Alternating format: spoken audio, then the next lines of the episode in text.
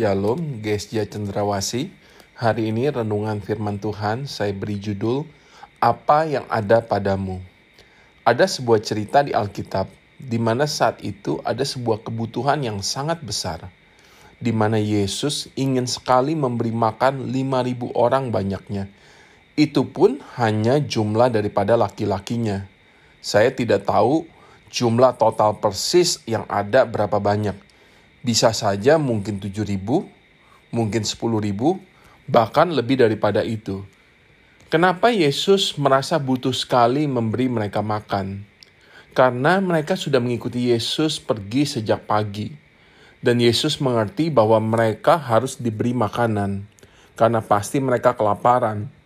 Kalau mereka tidak makan, pasti akan jadi sebuah masalah yang serius dan besar. Mungkin saja mereka kelaparan, dan mungkin saja mereka terserang penyakit, dan juga mungkin saja mereka bisa menjadi marah. Melihat itu semua, makanya Yesus melihat ada sebuah kebutuhan yang sangat besar yang harus dipenuhi, dan tentu ada belas kasihan yang sangat besar dalam diri Yesus kepada orang banyak itu. Itu sebabnya Dia ingin sekali memberi mereka makanan. Namun, di balik kebutuhan yang sangat besar itu, permasalahannya murid-murid Yesus tidak membawa makanan apa-apa jadi bagaimana caranya memberi mereka makan? Orang kita saja tidak bawa makanan yang cukup. Dan mungkin juga uang yang kita bawa tidak cukup untuk membeli roti untuk seribuan orang lebih daripada sepuluh ribu orang. Makanya ada murid yang berkata seperti ini, Roti seharga 200 dinar mana cukup buat orang banyak ini, walaupun dipotong dibagi kecil-kecil. Belum lagi hari sudah malam, Tempat juga sangat sunyi. Desa dan warung tempat menjual makanan pun mungkin jauh dan gak tahu apa masih buka dalam waktu malam seperti ini. Dan ini kan bukan juga hanya untuk membeli makanan untuk 10 orang, tapi ini membeli makanan untuk 10 ribu orang. Pernah nggak saudara kita dalam situasi atau keadaan seperti ini? Kita punya kebutuhan yang sangat besar, kita punya permasalahan yang sangat besar, kita punya tantangan yang sangat besar. Tapi rasanya kita nggak mampu. Kita nggak punya jalan keluar. Kita nggak punya cukup banyak untuk mengatasi masalah tersebut. Coba mari kita evaluasi dan renungkan hidup kita.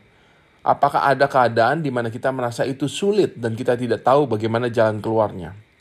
Lihatlah bagaimana Yesus memberi jawaban dalam cerita yang tadi di awal saya ceritakan. Yesus membawa jalan keluar lewat sebuah pertanyaan. Yesus memberikan sebuah pertanyaan kepada muridnya seperti ini. Apa yang ada padamu? Pertanyaan ini menjadi pertanyaan yang sangat penting dan jawaban dari pertanyaan ini juga merupakan jawaban yang sangat penting.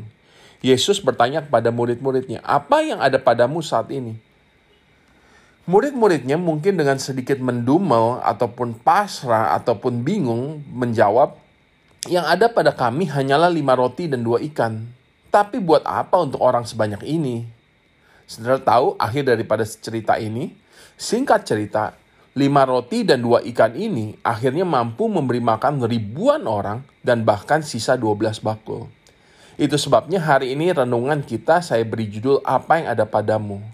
Kalau kita punya kebutuhan yang sangat besar dan rasanya kita tidak punya apa-apa bahkan tidak punya jawaban dan jalan keluar. Pertanyaan yang ada pada kita yang ditanyakan oleh Tuhan, lalu apa yang ada padamu?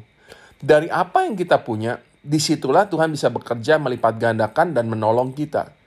Mungkin saudara nggak punya apa-apa, tapi apakah saudara punya iman?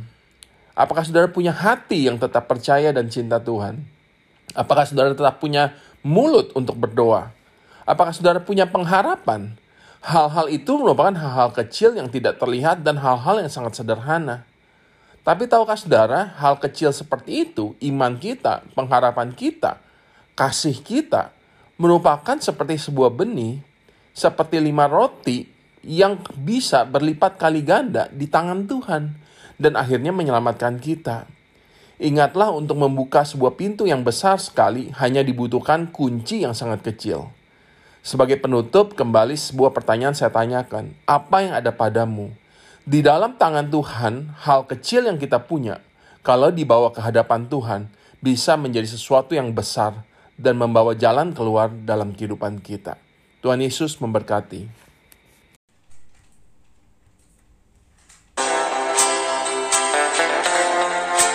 Sampai jumpa esok hari. Kiranya damai sejahtera dari Allah Bapa, kecintaan dan kasih karunia Tuhan kita Yesus Kristus, persekutuan serta penghiburan Nero Kudus menyertai kita sekalian mulai hari ini sampai Maranatha Tuhan Yesus datang. Amin.